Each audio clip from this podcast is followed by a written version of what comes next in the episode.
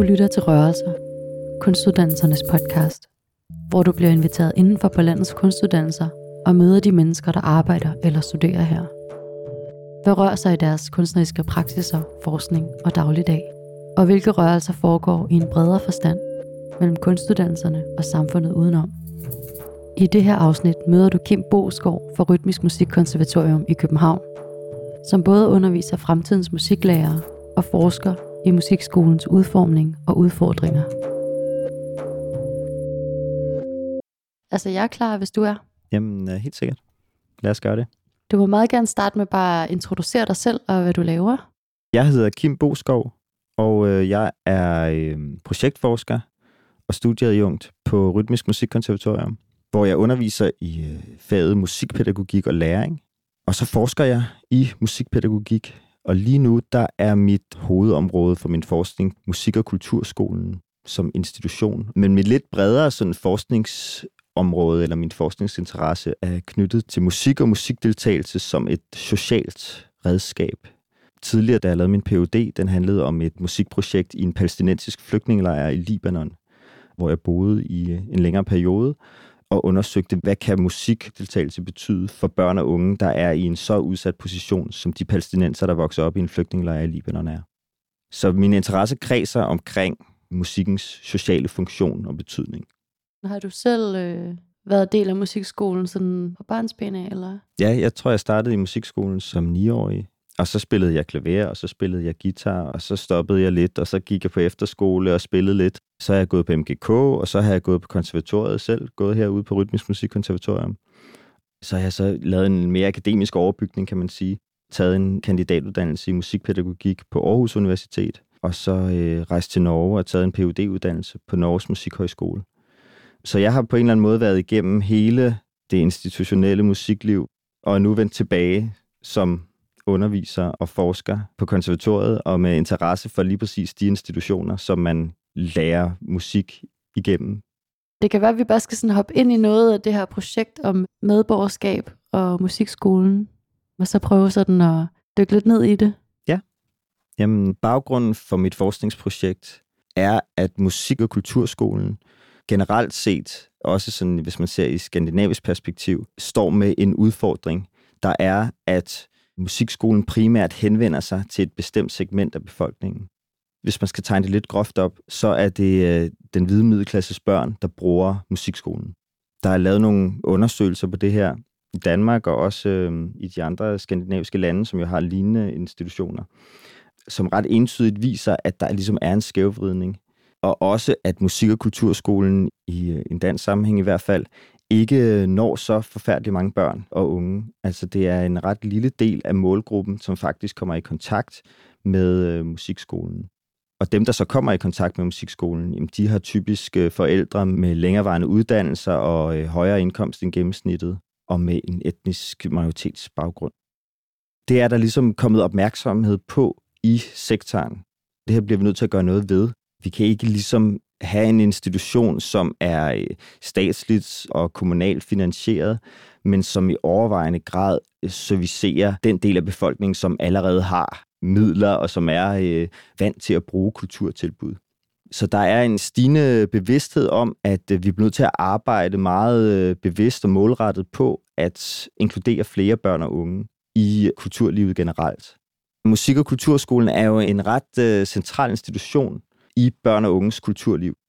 Det er den institution, hvor man kan komme i kontakt med musik og andre kunstneriske fag, og det er der, man ligesom kan få en eller anden form for musikalsk oplæring. Det er der, der er nogle øh, professionelle undervisere, som tilbyder musikoplæring, musikuddannelse for børn og unge. Og derfor er det jo selvfølgelig vigtigt, at den institution er tilgængelig. Altså at alle børn og unge faktisk har adgang til den institution. Og der er en masse forskellige parametre i spil her, når man taler om, hvem der egentlig har adgang til den her institution. Altså dels så er der jo prisen, altså den brugerbetaling, der er knyttet til det. Ja, det skulle jeg også til at sige, altså fordi jeg kan da huske, jeg var den der otteårige violinelev, ikke? og jeg kan da huske, at det var ret mange penge, mine forældre sådan skulle ja. give til, at jeg kunne gå til det hver uge. Ja, lige præcis. Det har ligesom været det, som musikskolerne ofte selv ligesom har peget på jamen altså, vi har brug for at kunne gøre det billigere for eleverne. Det er det, der ligesom øh, afholder dem, der ikke har så mange midler fra at bruge øh, musikskolen. Og det er helt sikkert også en faktor. Men hvis man kigger på de undersøgelser, der er lavet af det her felt, også i en skandinavisk sammenhæng, så er pris helt sikkert en faktor, men det er ikke den eneste faktor. Der er mange andre ting, der gør, at børn og unge ikke finder kulturskolens øh, tilbud relevante. Det har også noget at gøre med den praksis, der er på sådan et sted. Altså hvad det egentlig er, som man kan og som man gør, når man er elev på en musikskole. Altså for eksempel bare det, at vi kalder det en skole det sender også nogle bestemte signaler om, hvad vil det sige ligesom at komme i kontakt med den institution. Det er en skole, hvor det forventes, at man ligesom lærer noget bestemt, og hvor man ligesom kommer i kontakt med en lærer, der er der for ligesom at undervise en. Og man kan sige, det typiske undervisningstilbud på en musikskole, det er jo øh, en-til-en undervisning i et eller andet instrument hvor man kommer op på musikskolen og får 20-25 minutters undervisning på sit instrument. Og så øh, forventes det så, at man tager hjem, og så øver man sig lidt hver dag, og så kommer man tilbage ugen efter og får igen 25 minutters undervisning. Men lige præcis den form kræver jo først og fremmest, at man har nogle forældre, som gider at transportere en hen til, hvor den undervisning foregår, og vente 25 minutter og køre en hjem igen. Det kræver også, at man har nogle forældre, der gider at stå og kigge en over skulderen og sige, husk nu at øve dig på den der violin 10 minutter om dagen, for vi betaler faktisk mange penge for, at du kan gå til violin. Så det kræver på en eller anden måde en forældreindsats, for at det skal blive ved med at give mening at gå på musikskole. Det er ikke alle børn, der har nogle forældre, der har de muligheder for at køre en og for at lægge det engagement, som det kræver. Og det er heller ikke alle børn og unge, der har nogle forældre, der faktisk kan se værdien i det. Altså værdien i den form for fritidstilbud, som er 25 minutter om ugen, for eksempel i forhold til fodbold, som måske er et par timer, to dage om ugen, og som er langt billigere, og som på en eller anden måde også øh, involverer et fællesskab og nogle forskellige andre ting. Pris er selvfølgelig en faktor, men der er også sådan en helt praksis omkring, hvad vil det sige at gå på musikskole og være elev på en musikskole, som på en eller anden måde tiltaler et bestemt segment af befolkningen, der kan se værdien i at investere i sine børn på den måde. Der kan se værdien i, at de lærer at spille et instrument og får en praksis omkring det. Er der også noget med repertoiret? Altså i hvert fald, hvis man spiller klassiske instrumenter, så er det jo ekstremt meget vestlig klassisk musik, Bach, Mozart, alt det der. Ja, men det er helt sikkert også noget, der har betydning. Der er rigtig, rigtig mange musikskolelærer, som er uddannet fra et klassisk musikkonservatorium, som sætter pris på øh, bestemte former for musik, bestemte måder at tilgå musik og lære musik. Og det er jo også en del af musikskolekulturen og musikskoletraditionen og det repertoire fylder meget. Og det er helt sikkert også en faktor, at der er mange børn og unge, som ikke kan relatere til den musik, og mange forældre, som ikke kan relatere til den musik. Og så er der selvfølgelig også alle mulige andre former for musik og tilbud om at spille musik og rigtig meget populær musik på musikskolerne. Men det, der ikke er så meget af, det er elevernes egen musik og egen processer, der ligger op til, at eleverne selv skal skabe. Og det er noget af det, som der også er fokus på i sektoren lige nu. Hvordan bliver vi bedre til at give børnene mulighed for selv at udtrykke sig, og selv skabe, og selv ligesom indgå i nogle øh, skabende fællesskaber, skabende processer, som tager udgangspunkt i det, som de selv kommer med og ikke bare kommer på musikskolen for ligesom at få klaverskole nummer et, og så ligesom gå den slavisk igennem. Der er også mange andre genrer og måder at beskæftige sig med musik, som man godt kunne forestille sig kunne være en del af et kulturelt tilbud for børn og unge, men som musikskolen nok har været lidt langsomme til at integrere som undervisningstilbud. Hip-hop, elektronika, mere sådan elektronisk baseret musik er ofte meget sådan niche-tilbud, hvis de overhovedet findes på musikskolerne. Det er meget baseret på instrumentoplæring. Og der er helt sikkert nogle børn og unge, som nok orienterer sig mod nogle andre udtryk, nogle andre former for musik, nogle andre former for kulturelle udtryk, som noget, de umiddelbart forbinder med deres liv og deres identitet. Og der står musikskolen nok og tilbyder noget andet, som helt sikkert også har værdi, altså som har virkelig stor værdi som et kulturelt tilbud, men hvor der nogle gange måske bliver for stor afstand til, hvad børn og unge, der vokser op i dag, faktisk føler er relevant for deres liv. Måske har du, der lytter med, også gået i musikskole som ung, ligesom jeg selv har. Og måske kan du så genkende følelsen af, at der kunne være meget langt fra den musik, du skulle tærpe på dit instrument – til den rock, pop, hiphop eller andet musik, der kom ud af radioen. Kim og andre inden for hans felt er begyndt at putte begreber på den følelse, og på det modsatte. Faktisk at føle, man er del af samfundet gennem sine kreative udtryk, som for eksempel kan være musik eller kunst. Om det så er på hobbyplan i musikskolen, eller man ønsker at tage det videre. Det her begreb om kunstnerisk medborgerskab, det er sådan et begreb, der ligesom er kommet lidt ind i samtalerne, i hvert fald på de sådan kunstneriske uddannelsesinstitutioner, hvor flere begyndte at tale om at udvikle de studerendes eller børn og unge generelt deres kunstneriske medborgerskab. Og med det, der sigter man øh, til lidt forskellige ting. Altså det er sådan et begreb, der er lidt svært at få helt styr på, hvad det egentlig betyder, og det bliver brugt på lidt forskellige måder rundt omkring. Det, som jeg tænker på, når jeg bruger begrebet om kunstnerisk medborgerskab, det er, at kunst og kultur rummer en mulighed for at deltage i det, man måske kunne kalde den offentlige samtale eller den offentlige sfære. Kunst og kultur rummer en mulighed for at udtrykke sig, få en stemme, få en plads, en position, skabe en identitet. Og det er ligesom øh, forudsætningen forudsætning for, at man kan komme til syne som menneske i en samfundsmæssig kontekst. Så når jeg taler om kunstnerisk medborgerskab, og når jeg taler om musik- og kulturskolen som en arena for kunstnerisk medborgerskab, så taler jeg om, hvordan den institution kan lægge til rette for, at børn og unge faktisk kan deltage i samfundet og kan blive en del af den offentlige samtale, og derigennem kan vi styrke vores demokrati og vores samfund som helhed, vores kunst- og kulturliv, fordi at vi formår ligesom at inddrage flere, inkludere flere i den samtale, der finder sted på kulturfeltet. Vil det også sige, at man ligesom har mere, øh, det er lidt betændt måske, men mere kulturelt til fælles, eller hvad? Fordi man for eksempel har de samme erfaringer at gå i, i musikskole, eller hvad vil det der medborgerskab sige? Det kan også være samme kulturelle referencer, at man har set de samme børne-tv-shows, eller at alle kender Rasmus Sebak, eller et eller andet. Ja, men helt sikkert. Det er et aspekt af det, at blive, hvad kan man sige, en del af en fælles kultur.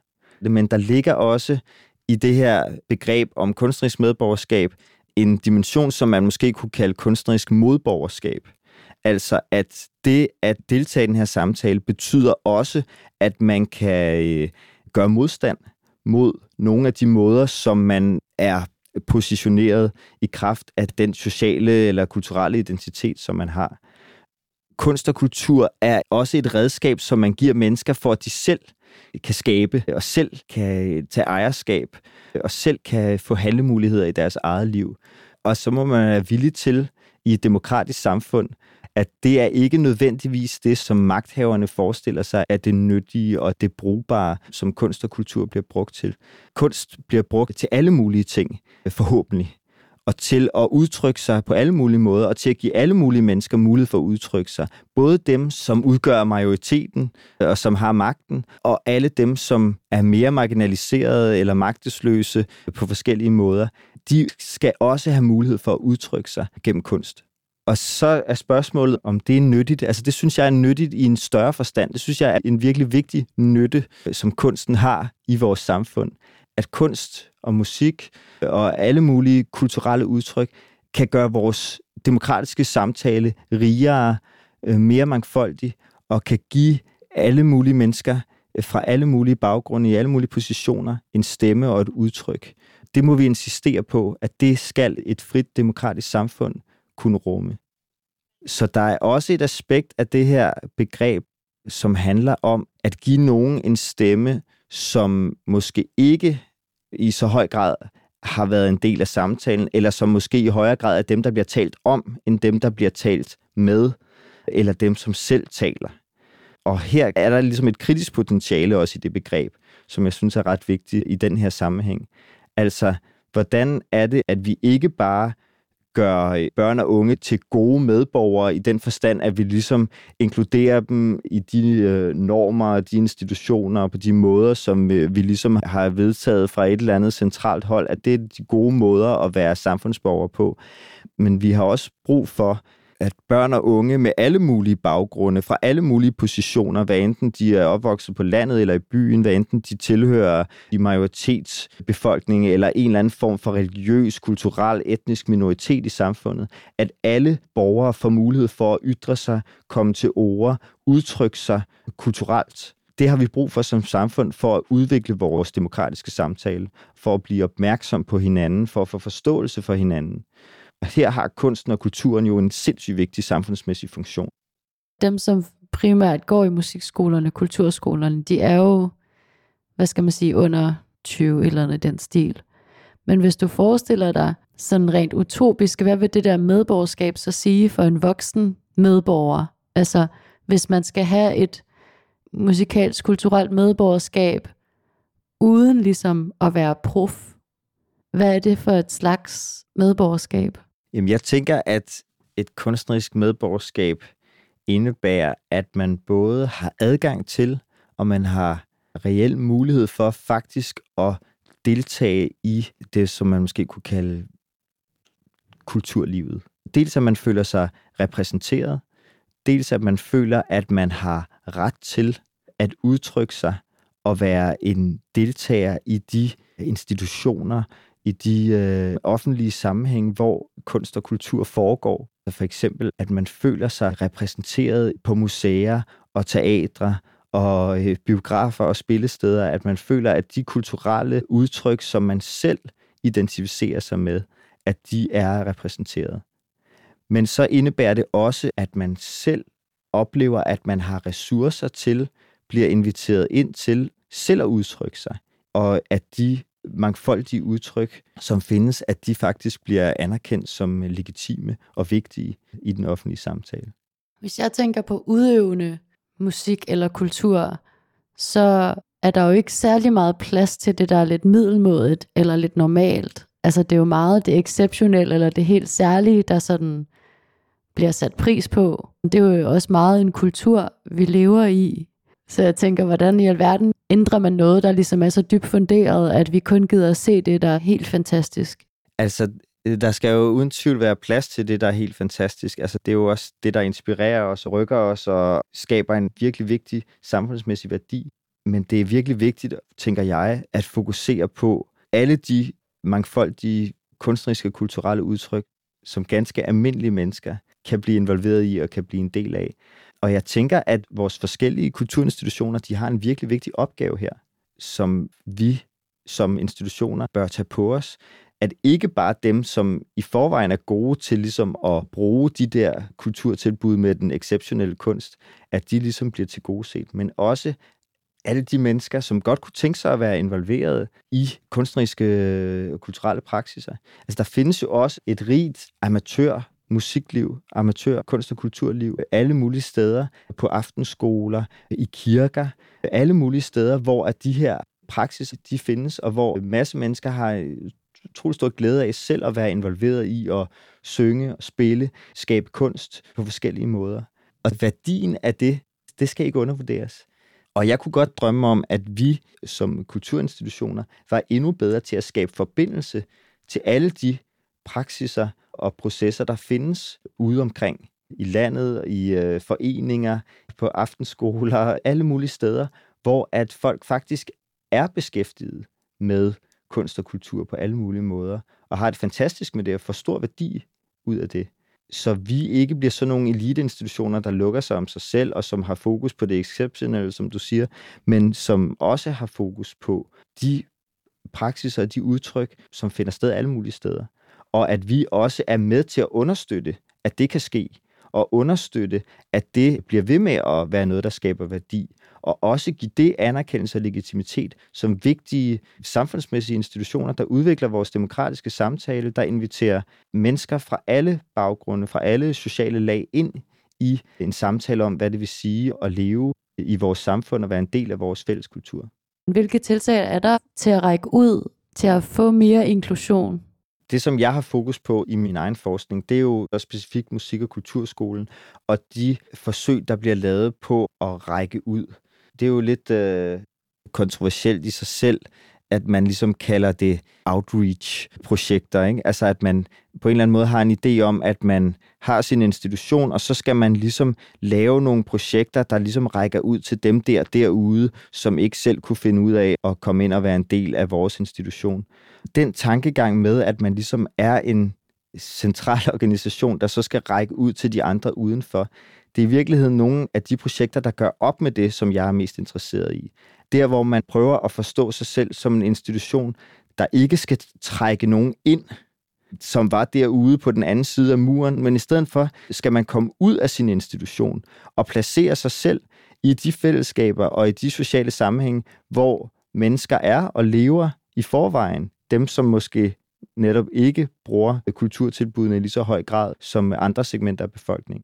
Så det, som jeg er interesseret i, det er aktiviteter, som faktisk foregår ude der, hvor folk lever, og hvor børn og unge de kommer, og som forsøger at skabe værdi i de lokale sammenhænge, hvor de så kan placere sig.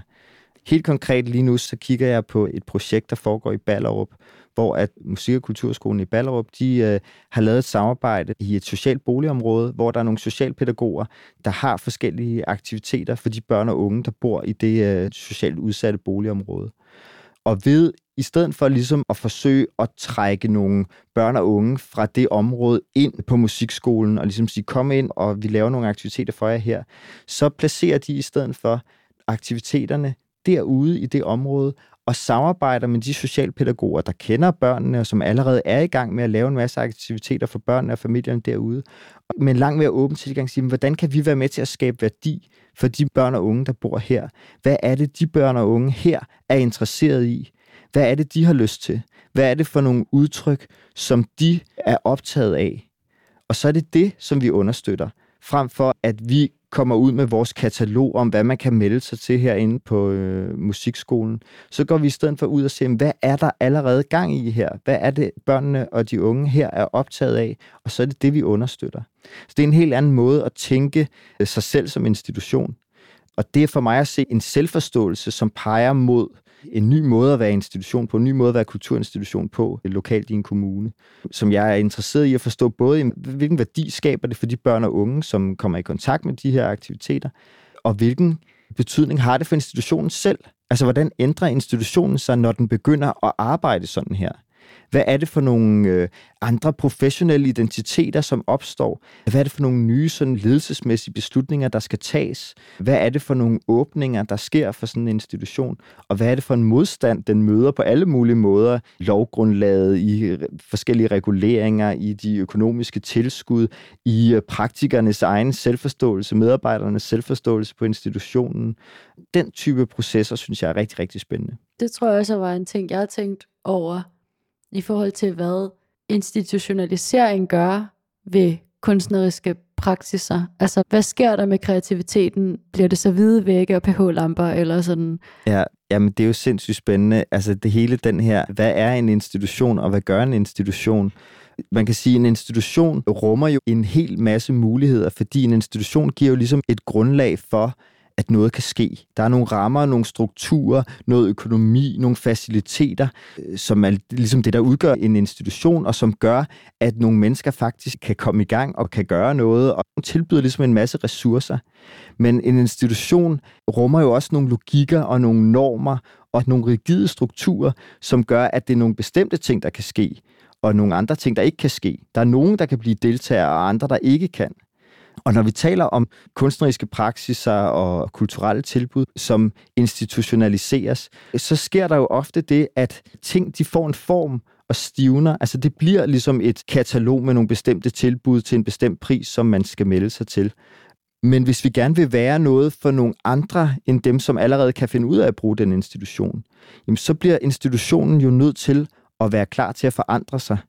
Og så bliver den nødt til i stedet for at sige, hvad er det, som vi gør, og som vi tilbyder, og som vi har af strukturer og normer og logikker, så bliver vi nødt til at prøve at se, hvad er det for nogle logikker og normer og behov, som findes uden for os selv. Og hvordan kan vi forandre os? Hvordan kan vi forandre vores institution, sådan så at vi kan rumme også de udtryk og de normer og de logikker, som findes uden for os selv. Og i stedet for at se på musik- og kulturskolen som en institution, som er, som den nu engang er, så er jeg lidt optaget på at se musik- og kulturskolen som en igangværende institutionalisering, altså som noget, der forhåbentlig kan blive ved med at forandre sig og indoptage nye udtryk, nye måder at arbejde på, nye praksiser. Og noget af det, som er i gang, for eksempel i Ballerup, det er jo netop institutionalisering, altså at øh, nye udtryk, nye måder at arbejde på, på en eller anden måde bliver en del af den institutionelle logik, som øh, musik- og kulturskolen opererer på.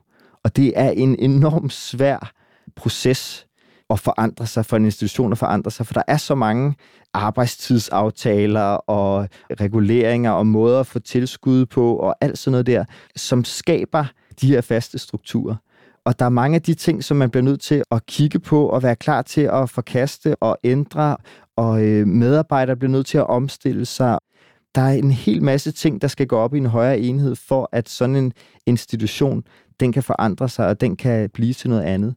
Men det, som står helt klart for musik- og kulturskolesektoren, det er, at noget måske Altså, vi kan simpelthen ikke blive ved med at være institution på samme måde, fordi at det er så tydeligt, at dem, vi er institution for, det er altså dem, der allerede har.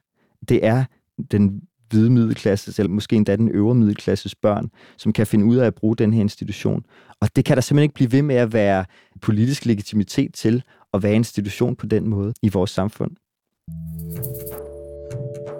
Når Kim siger, det er tydeligt, at musikskolerne er institution for den rige, hvide middelklasses børn, så baserer han det blandt andet på en rapport fra Musikskoletænketanken fra 2017, hvor det fremgår, at kun 4% af musikskolernes potentielle brugere bruger musikskoletilbuddet.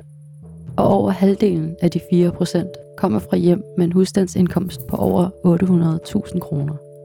Så der er virkelig potentiale til at nå flere og andre børn og unge.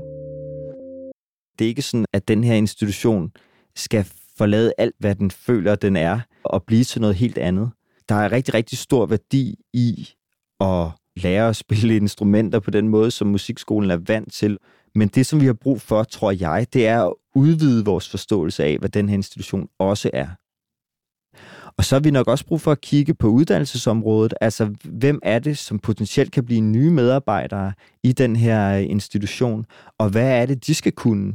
Og der har vi som uddannelsessektor jo også en kæmpe opgave, som vi skal løfte.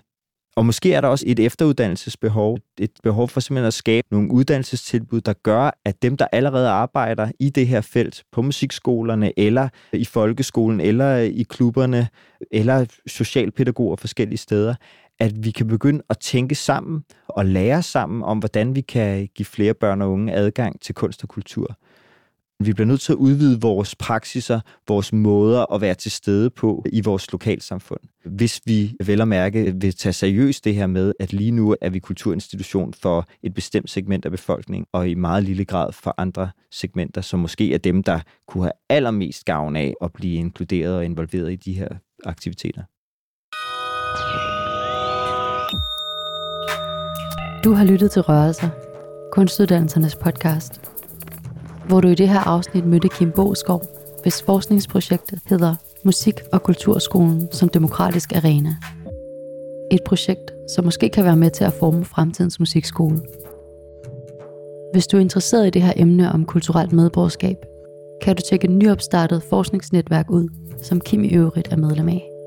Det hedder CREARC, som står for Copenhagen Center for Research in Artistic Citizenship – og kan findes gennem Rytmisk Musikkonservatoriets hjemmeside rmc.dk. Tak fordi du lyttede med.